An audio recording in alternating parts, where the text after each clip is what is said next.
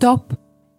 Apstājies labas grāmatas priekšā un sagatavojies lasīšanai. Grāmatzīme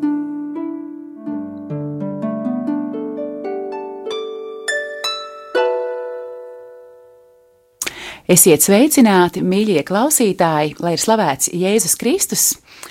Eh, liels, liels prieks jūs uzrunāt šajā sezonā, pirmajā raidījumā grāmatzīme. Es ceru, ka jūs esat aizvadījuši brīnišķīgas brīvdienas, ir bijis laiks arī atvērt un arī iedziļināties kādā labā grāmatā. Un Man arī prieks, ka Radio Marija turpina ar mums sadarbību, un mēs ar viņiem, arī šajā sezonā pa brīdim apstāsimies kādu labu grāmatu priekšā kopā, sagatavosimies lasīšanai, un tad arī kopā un arī atsevišķi lasīsim un no tām bagātināsimies. Un šai, šīs sezonas pirmajā raidījumā runāsim par grāmatu, kas ir nesen iznākusi, bet iznākusi atkārtoti. Un tā ir grāmata, kas iznāca kā pirmā e, tādā sērijā Mieram tuvu dzīves skola. Un grāmatas nosaukums ir līderis un tikums, un apakšvirsraksts e, Ceļš uz personas pilnību. Un gan šis eh, tāds pamudinājums doties ceļā uz personas pilnību šķita tāds labs iesākums jaunai sezonai, kā arī tas, ka tiešām viena no pēdējām grāmatām, kas eh, ir iznākusi, lai arī otru reizi. Un man prieks, ka šodien studijā tātad esmu es Aija Baloda no Kala raksti, mieram tuvu izdevēja izdevniecības, un mans sarunas biedrs šodien ir Egīls Pūraviņš. Sveiks, Egīl! Sveicināts! Sveicināt. Vispirms, tiešām vislielākais tev paldies. Es zinu, ka mēs esam visi šobrīd aizņemti, gaidot pāvestu un gatavojoties pāvesta vizītei un tā tālāk no ar baznīcu saistīti cilvēki. Un es zinu, cik šis laiks ir daudziem noslogots un zinu arī tev. Un liels paldies, ka tu atradi laiku, lai tiešām šeit um, tiešraidē klausītājus uzrunātu. Un otrs, paldies tev! Ir tiešām par to, ka mēs šo grāmatu vēlreiz izdevām. Jo grāmata tad iznāca pirms gadiem. Nebaidīšos teikt, kādiem pieciem laikam, ja pirmais izdevums jau esmu aizmirsusi. Bet šajā pavasarī pie manis ieradās Egīls ar grāmatu rokās un teica, jā, nu šis ir atradums, Un sarunas gaitā mums arī radās ideja par grāmatas atkārtotu izdevumu. Bet varbūt, ja es tev varu lūgt sarunas sākumā, varbūt ieskicē, kā šī grāmata nāca tavās rokās un, un kā tā tevi uzrunāja. Paldies, Ājam, paldies klausītājiem! Uh, Pirmkārt, es arī gribu mazliet ar pateicībām sākt un, un pāris vārdos ejai pateikt paldies un viņas izdevniecībai, kas tiešām izdod grāmatas, kurām ir vērtība, kurām ir dziļums, kurās eh, cilvēku ceļ garīgi. Un, paldies, par, paldies! Par, par tagad milzīgo darbu. Aizgāja ar, medutiņš, paldies! Jā, nu, apmainījāmies medus burciņām. nu, lūk, eh, bet ir tā, ka pati grāmata tikumis, līderis un tikums tika izdota pati pirmā versija, uh, ko uzrakstīja pats Aleksandrs Havars 2008.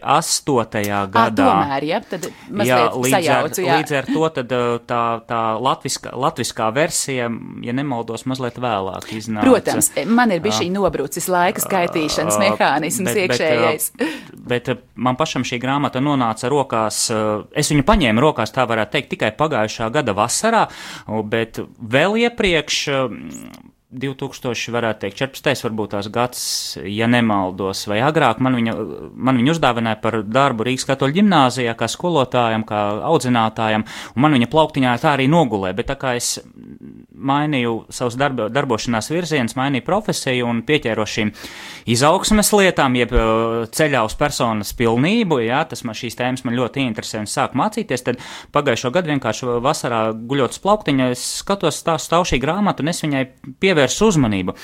Un, jā, un Tā bija grāmata, kas man uzrunāja, kurā es saskatīju lielu vērtību tieši izaugsmes ziņā, jo mums mūsdienu izaugsmes industrijā pasaulē tiek piedāvāts ļoti daudz dažādas literatūras semināru, viss kaut kas, bet šī grāmata izcēlās ar to, ka sāko, sākot lasīt, es biju, es biju ļoti pārsteigts, wow, pilnīgi iekliedzos, jā, tur ir dziļums tieši tas, kas cilvēkam vajadzīgs personīgi izaugsmē tādā antropoloģiskā skatījumā, tādā garīgā, arī kristīgā skatījumā. Jā, pats autors ir Aleksandrs Habards, jā, viņš ir katolis, praktizējuši katolis, kurš pie pieder arī opus dei mm, šai brālībai, kustībai, jā, un, un šī grāmata ir tādu dziļu, dziļu tādu vērtību, un, un ļoti man ļoti man uzrunāja.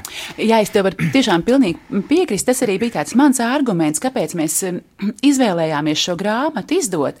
Ka man šķiet kā divas puses, ka viena, tiešām, kā tu minēji, šis ir tāds, šī laika tāds jājam zirdziņš, ja, ka mēs gribam visi attīstīties un kļūt pilnīgāki un tā. Un tie ceļi, ku, pa kuriem cilvēki tiek aicināti šajā attīstībā iet, ir tik dažādi un bieži vien tik ļoti slideni, tad šis ir tāds rakstos baznīcas mācībā eh, pamatots ceļš. Un tā otra puse, ka bieži vien it sevišķi mums, katoļu baznīcā, bieži vien pieklibo tas, ka tā kā apmēram uzdrīkstēties sevi attīstīt, teju vai lepnības grēks, ja? ka labāk eh, tātad eh, kultivēt pazemību, eh, tādu neizcelties, neizvirzīties, un, un Aleksandrs Havards skaisti šajā grāmatā saka, kādas muļķības. Tas, ka tev ir tavi tikumi doti, tā ir tava atbildība. Tad attīstīt to labāko es, to labāko to cilvēku, kā, tu, kā, kāds tu esi, attīsti sevi. Ja? Pretējā gadījumā šie ir tie mums dotie talenti, ko mēs vienkārši norokam zemē un, un neļaujam tiem nest skaistus augļus. Jā, un tieši interesanti, es vakar aizvakar lasīju viņa otro grāmatu, kas ir uh, radīts dižēm, kas uh, iespējams būs arī latviski pieejama. Nevis iespējams, to arī. Paldies, ka tu jau pieminējies, to noteikti Jā. arī konkrētāk atklāsim klausītājiem. Viņš tieši raksta par šo lietu, ko tu tikko minēji, kad ļoti daudz kristieši tic dievam, bet viņi netic sev, netic tiem talantiem, kas viņiem ir doti.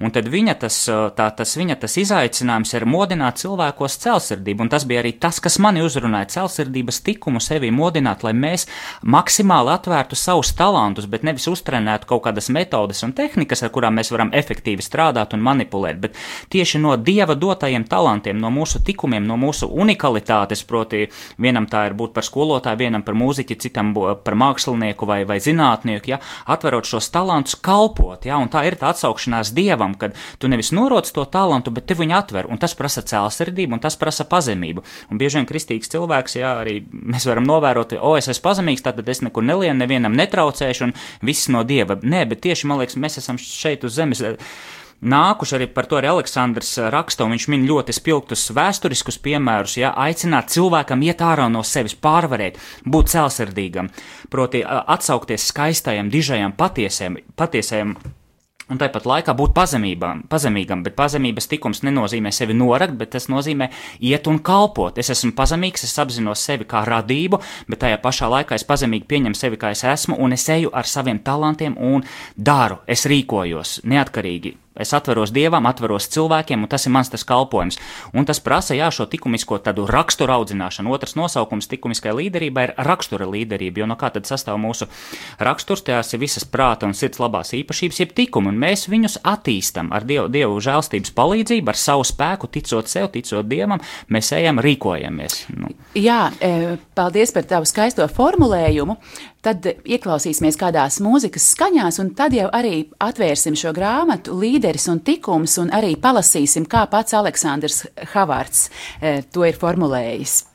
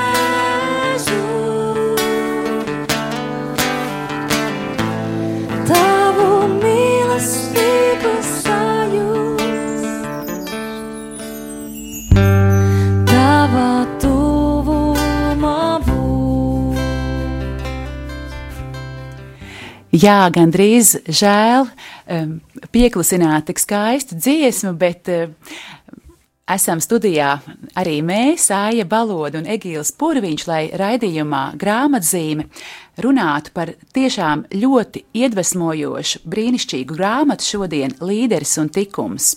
Un pirms muzikālās pauzes solījām, ka sāksim uzreiz ar grāmatas lasīšanu, bet tomēr atcerējos vēl vienu lietu, ko gribēju tev, Egīla, tā kā tevi uzteikt un arī pie viena pajautāt, lai tu padalies ar eh, klausītājiem. Proti, tu pats minēji, ka šī grāmata arī tā kā iedrošina um, iet uz priekšu, iet uz rezultātu, ja ir kāda iedvesma arī to piepildīt. Un tas, kas man tiešām ļoti patika tevī, ka tu izlaiž izlasīju šo grāmatu, tev tā ļoti patika, Un tu ne vairāk, ne mazāk personiski uzrunāji Aleksandru Havārdu un teici, ka tu vēlies šajā virzienā doties. Varbūt pastāsti. Jā, nu es iesāku pārlec no, no tā, ka es atradu šo grāmatu, grāmatu plauktā un pārlec uzreiz par, par likumisko līderību vispār tā kaislīgi runāt. Lūk, bet eh, kā tad viņa man uzrunāja un kas notika tālāk, tad, tad, tad īsumā atskatoties, jā, bija tā, ka tiešām manī pamodās šis celsirdības tri, eh, tikums un es sapratu, ka ir jārīkojās un ka tas ir tas, kas mums tieši pie pietrūkst.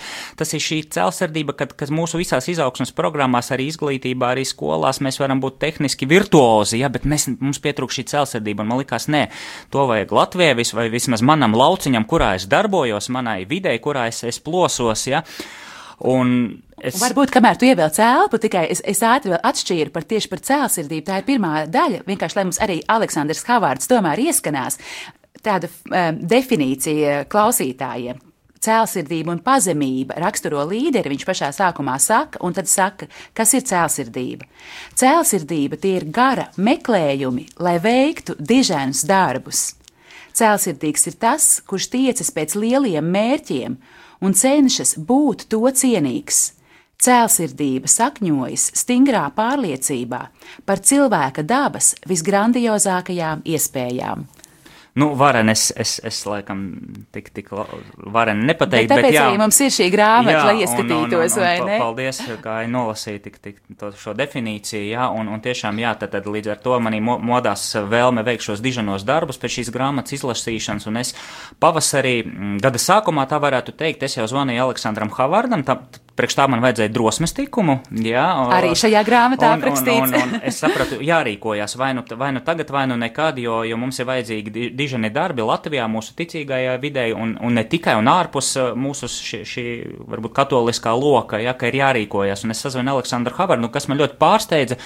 Viņš kā patiesis līderis, viņš uzreiz uzticējās, jo īsti arī viņš pats raksta šajā grāmatā, ka līderi uzticās cilvēkiem. Viņi nav aizdomīgi, viņi saredz eh, citos cilvēkos to viņu potenciālu, to viņu patieso tādu mm, aicinājumu uz pilnību, kas ir mums katram cilvēkam dots. Un viņš teica, jā, es gribu, lai tu darbojies Latvijā ar šo programmu, ar, ar tā es saku, visi es braucu, kad, kad tev ir kurs, es apskatījos, viņam bija kurs jau marta sākumā.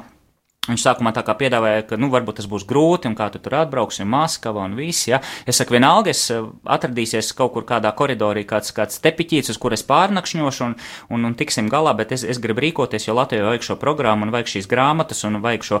Un līdz ar to, jā, es nonācu Maskavā, es nedēļu pie viņa mācījos oficiālos kursus, mēs, mēs arī tikāmies individuāli strādājām, runājām, jā, un, un tad jau, jā, tad jau es atbraucu ar zināmu bagāžu, un tu, šis konteksts joprojām turpinās, un tas tie nākamie mērķi arī ir nākamo grāmatu izdošanu, lai lasītājiem, cilvēkiem, kas meklē izaugsmi, kam interesējas par tādu patiesu izaugsmi, ja, lai šīs grāmatas būtu pieejamas. Ja, un viennozīmīgi, tad, kad pirmā grāmata, šī, kas jau ir izdotā, atkārtot izdotā līderis un tikums, tas ir pirmais, pirmais solis, kā arī rakstīts ceļā uz personas pilnību. Jā, tieši tā. Nu, lūk, un tad varbūt tiešām atvērsim arī grāmatu, ka, kāpēc tad līderis un līderisms, par ko vispār ir runa. Un uh, autors raksta šādi ka pastāv uzskats, ka ir jāpiedzimst ar spēju vest aiz sevis citus, ka dažiem ir ķēriens uz to, bet citiem nav, ka līderismu lielā mērā nosaka tas, kā apvienojas temperaments un pieredze, un ka ne katrs var kļūt par Rūzveltu, De Gaulle vai Čērčilu. Tā dzird sakām. Tomēr nekas nav tālāk no patiesības, kā šādi ieskati. Līderisms nepieder elitei, Tas ir nevis dažu izredzēto, bet gan daudzu aicinājums. Valstu vadītāji un vispār izglītojošo skolu skolotāji, uzņēmēji un mājasēmnieces, karavadoņi un veselības aizsardzības jomā strādājošie, Līderi veidojas ikvienā sociālajā vidē. Sabiedrība gaida no šādiem cilvēkiem pareizu rīcību, rakstura un likumisko stingrību, motivāciju, kam pamatā ir cēlsirdīga vīzija attiecībā uz visiem, kas no viņiem ir atkarīgi. Un liela ir vilšanās, ja šādi cilvēki neataisno uz viņiem liktās cerības. Un mazliet tālāk autors raksta, Doktors Mārtiņš Luters Kings sapņoja par tādu Ameriku, kur par cilvēku spriestu nevis pēc ādas krāsas, bet pēc rakstura labajām īpašībām. Ko nozīmē rakstura labās īpašības? Tā ir virkne klasisko cilvēcisko tikumu, proti, cēlsirdība, pazemība, apdomība, stiprums jeb drosme, mērenība un taisnīgums, par kuriem tad arī būs runa šajā grāmatā. Un tiešām nodaļa pēc nodaļas e, autors iziet šiem tikumiem cauri, runā gan par definīcijām, kā jau, kā jau spriedām, e, gan par to, kā mums to likt lietā. Un arī, kas vēl man ļoti uzrunā e, šajā grāmatā, ka tiešām ir te tādas zinātniskas definīcijas, kas ir kas. Un tad e, par katru tikumu, par katru rakstura īpašību skaisti piemēri iz dzīves. Un turklāt šie piemēri, gan svētie, eh, gan neseni svētie, gan seni svētie, eh, gan arī piemēri no politikas, piemēri no uzņēmēja darbības, piemēri no dažādiem, dažādām valstīm, dažādiem kontinentiem. Un tad tu saproti, tā nav tikai teorija, tā ir tiešām prakse, kas ir dzīvota un uz ko esam aicināti dzīvot arī mēs. Jā, un es varētu piebilst, ka tiešām šajā grāmatā Havards min uh, vēsturiskas personības, un interesanti tas, ka uh, daudzas no šīm personībām viņš ir pats vēl saticis, kamēr šie cilvēki ir bijuši dzīvi. Kaut vai par uh, ģenēti, ģenētiķis Žeroms Ležēns. Ležēns, kurš citu, nece... par kuru arī drīz jā, runāsim. kad es biju Maskavā pie viņa kursā, tad viņš atzinās, ka tas bija viens no viņa tuvākajiem draugiem, un par ko es biju ļoti pārsteigts, mm. ja, ka tāda līmeņa cilvēki, nu, priekš mumsīm, ja, priekš manis tie ir augsta līmeņa cilvēki, kas tiešām ieguldījumu pasaules labā un, un, un tas apgrozījums, kurā viņi strādā. Ja, un, un ka viņš tiešām ir ticies gan ar pašu Solžēņicinu, gan ar pašu Žeromu Ležēnu, kurš bijis viņa draugs arī ar, ar Jānu Pāvilu II, kuru viņš min. Ja.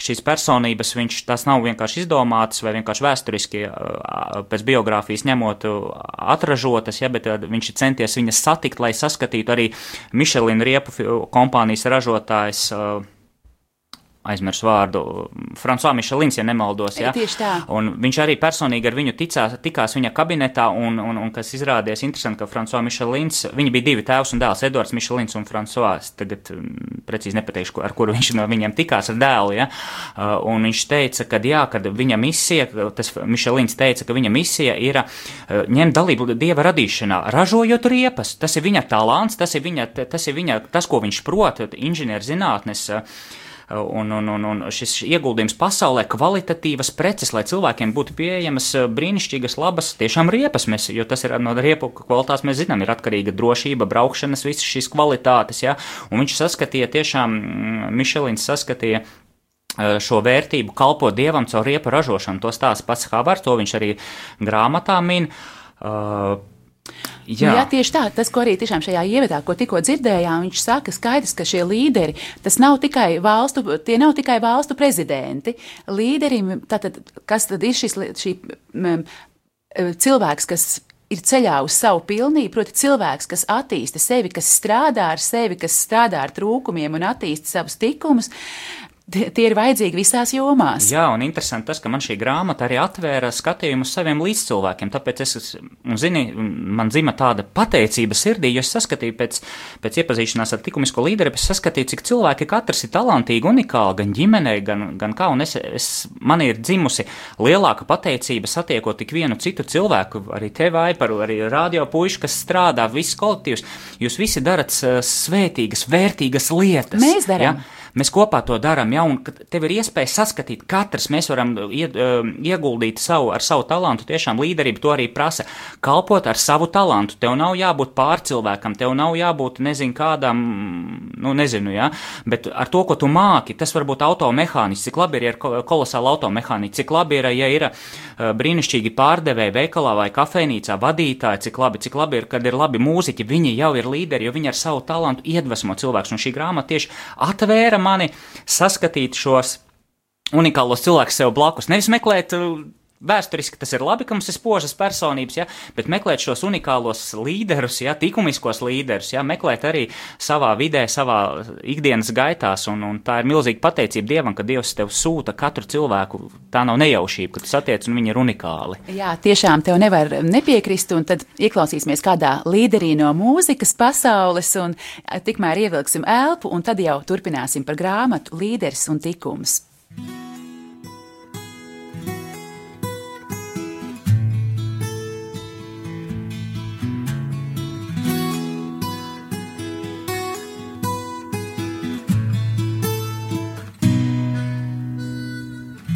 Manas pēdas, laiks reiz prom aizskalos. Viss, ko redzu, pārtaps reiz putekļos. Manas ilgas par īstenību kļūs. Manas bēdas priekā pārvērstas būs. Bet vēl jāiet ir man dieva noliktais laiks. Katru dienu tuvojas tas brīdis, kad būs jāatstāj man mājas šīs. Katrs mirklis aizved tuvāk mērķim, manas īstās mājas ir debesīs.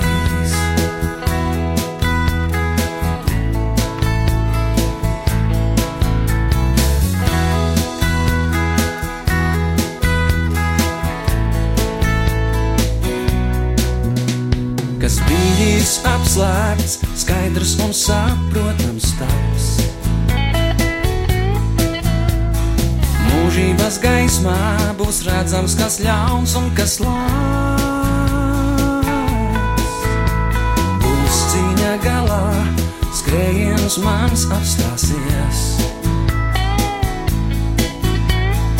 Viss, kam ticu, manī piepildīs. Vēl jāiet ir man. Dieva noliktais laiks. Katru dienu tuvojas tas brīdis, kad būs jāatstāj man mājas šī. Esam atpakaļ ēterā raidījums grāmatzīme, un šodien ar Egīlu Purviņu runājam par Aleksandra Havārda grāmatu līderis un tikums. Un pirmīt mēs pieskārāmies tādai eh, tēmai, ka grāmatā ir daudz eh, piemēru iz dzīves, daudz mm, iedvesmojošu cilvēku un viņas, viņu kāds gadījums viņu dzīves vai visa dzīves stāsts. Varbūt, eh, Egīla, kas ir tevi īpaši šajā grāmatā uzrunājis? Nu, man ir, ir uzrunājušas, iepazīstot šo grāmatu, uzrunājušas, nu, varētu teikt, divas, trīs personības, kuras es arī savos kursos mīnu. Ja? Tas ir Aleksandrs Solženīcins un jaunākā paudze, diemžēl nezinu, un patiesībā es arī nezināju pirms gada par šo. Es biju dzirdējis, jā, gulaks un, un, un, un par izsūtījumiem un tā, bet Aleksandrs Kavards personīgi bija ticies ar Solženīcinu. Viņš kā personība, kā līderis, kā likumiskais līderis, tas viņa piemērs ir ļoti, ļoti tāds dziļi aizkustinošs, ja? jo mm, katram līderim līderim ir misijas apziņa. Viņš vēlas kaut kā realizēt, eh, kaut ko ien, dot kaut kādu devumu, devumu šai pasaulē, un tāpēc Havards arī min grāmatā šos piemērus cilvēki, kuri savu misiju ir saredzējuši. Un tad Solženīcinu mēs varam minēt kā piemēru cilvēks, kurš pie, piedzīvojis šīs koncentrācijas nometnes, ehm, šo Sibīriju, šos izsūtījumus, šīs ciešanas, ko viņš redzēja. Un kad viņš atbrauca, viņš bija tik dziļi aizvainots, ka viņš redzēja, kā viņa tauta iet bojā, kā viņa tiek iznīcināta, kā viņa tiek nomocīta, spīdzināta. Viņš teica, ka viņa misija būs rakstīt par katru, rakstīt par katru nosalušo, par katru nomērdēto, par katru nomocīto, par katru nepieminēto. Un tā bija viņa misija. Viņš uzrakstīja šo grāmatu Gulaga arhipelāgs, ja, un, un viņš centās aprakstīt un, un atrast katra cilvēka, kurš tur bijis avotu, katru tiešām pieminēt, un tas ir ļoti dziļi aizkustinošs piemērs, ka viņš pats saka, es par katru nomocīto rakstīšu, par katru pieminēšu.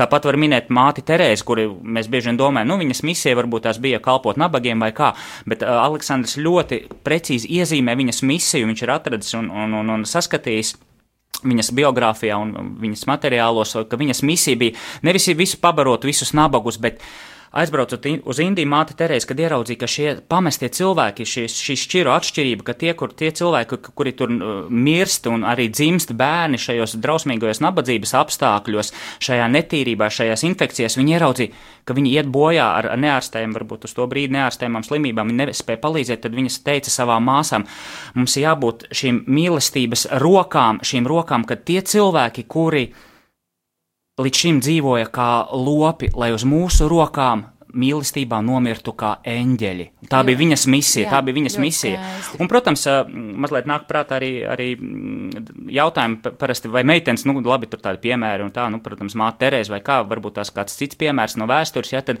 nāk prātā Žāna Darka, kura bija arī liels, gan politi, viņa, kurai bija gan politiskā misija, gan reliģiskā misija. Politiskā misija viņai bija glābt savu tautu no, no Anglijas šīs okupācijas un reliģiskā misija.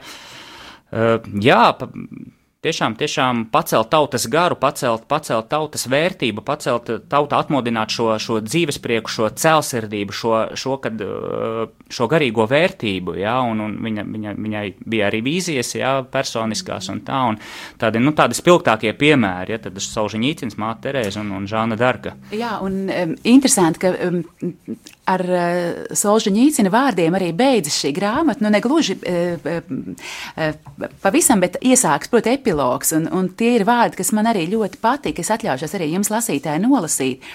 Ka proti, e, Solžņīcins reiz rakstījis, ja tas būtu tik vienkārši, ka pastāvētu tādi melni cilvēki, kas ar ļaunu prātu strādā melnus darbus, un ka tos vajadzētu tikai nošķirt no mums pārējiem un iznīcināt bet līnija, kas atdala labu no ļauna, šķērso katra cilvēka sirdi. Un kurš tad iznīcinās daļu no savas sirds? Un tālāk autors raksta pats ar savu nekļūdīgi strateģisko skatījumu. Solžņīcins bija nonācis līdz lietas būtībai, līdz cilvēka sirdī. Tie, kas ir gatavi likumiski pārveidot savu sirdi, ir līderi. Tie, kas izvēlas to nedarīt, ir neveiksminieki. Lūk, no tāda ģeniālā pie vienkāršā. Un, Un vēl, ja gribās, tomēr vēl skaidrs tā mūsu pusstunda tik īsa, un tomēr vēl kādā lapas pusē ieskatīties, man ļoti simpātisks tas veids, kā um, autors tādām nopietnām tēmām blakus arī tīri tādu cilvēcisko un um, kādu, kādu vienkāršu, bet arī ļoti būtisku tēmu ieliks. Ja? Un tā piemēram, nodaļā taisnīgums un žēlsirdība. Viņš uzsver, ka līderi tur godā citu cilvēku cieņu, tostarp viņu tiesības uz patiesību. Līderi, būdami taisnīgi un pazemīgi, saprot, ka visa viņu dzīve ir dieva dāvana, un tāpēc viņi vēlas dot un tā tālāk, un tā tālāk, un beigās viņš saka, bet līderi ir arī dzīvespriecīgi un augstu vērtē draudzību, un tālāk attīsta to, ka mēs esam aicināti arī uz prieku un draudzīgumu cits ar citu, arī tā ir līderisma īpašība. Bet eh, tikmēr skatos pulkstenī, un laiks ir nepielūdzams, bet tomēr pašā um, finiša taisnē, mīļie klausītāji, kas attiecas uz mums visiem, um, um, Egīls jau pieminējās, jā, tiešām mēs strādājam arī pie divām grāmatām, radīts diženumam un no temperamentu uz raksturu šī paša autora par šīm pašām tēmām. Tās mēs ceram vēl šajā rudenī izdot, jo tas lielais iemesls ir tāds, ka ļoti ceram, ka uz gada beigām pašu Aleksandru Havārdu ar kādām interesantām uzrunām sagaidīsim Latvijā. Un, protams, par to jau informēsim. Es domāju, ka tas būs tiešām tāds iedvesmojošs un liels notikums. Bet kamēr nav iespēja um, klausīties Aleksandru Havārdu, es saprotu, ka ir par šīm pašām tēmām iespēja klausīties tevi, Egīla. Varbūt nu jā, tā kā, tā kā mazs es... reklāmas brīdis tev. reklāmas brīdis, jā, un varbūt, ja paspējuši viens piemērs vēl, nu jā, tā kā es pār pārstāv jau tagad, nu, varētu teikt, vairāk vai mazāk oficiāli Havārda institūta Latvijā un latviskās programmas, eh, tad, eh, jā, ir iespēja ar maniem kontaktēties. Man tā darba platforma, tas ir Facebook, jo tas visātrāk sasniedz eh, cilvēkus, jā, tad var droši man aicināt draugus. Kā tevi meklēt? Pasaka, vienkārši Purviņš Egīls, man ir otrādi uzrakstīts, nevis Egīls Purviņš, bet Purviņš Egīls, un, un, un, un, un, un tur tad visi tie kontakti un viss, un rītā, starp citu, astoņos vakarā būs, būs tiešsaites, nu, webinārs vai tiešraide, jā, kur es stāstīšu līdzīgi, kā mēs šodien runājam, gan par grāmatu, gan par to, kā es līdz tam nonācu, plus būs iespēja atbildēt arī uz jautājumu. Facebookā, ja? Nē, YouTube. À, YouTube. Bet es ielikšu Facebookā to, nu, Tātad cikos rītā vakarā? Astoņos, Tātad astoņos. astoņos vakarā meklējam purviņš Egīls, jā, un jā. tad jau visi tiekamies, mīļie klausītāji, un, un, tur. Droši, droši. Un, un, Nu, jā, tiešām, Egīla, liels, liels paldies, ka tu atnāc. Mīļie klausītāji, liels paldies, ka klausījāties. Šis bija raidījums grāmatzīme. Runāju es Āja Balodu un Egīls Purviņš. Paldies, paldies. Un tad pats šo pēdējo tādu e, ievadu vārdus, dodoties mūsu tālāk gaitās, ir tādi skaisti citāti pa brīdim šajā grāmatā, un viens no pirmajiem, kas man šķiet tik vienkārši un ģeniāls. Nelidinies kā vista, ja vari pacelties augstumos kā ērglis, ir teicis šis pats tevis minētais jau Josemarija Skrīva. Tad kā tādi e, braši ērgļi lidosim tālāk, un lai ar Dievu svētību mums viss izdodas. paldies. Tieši tā.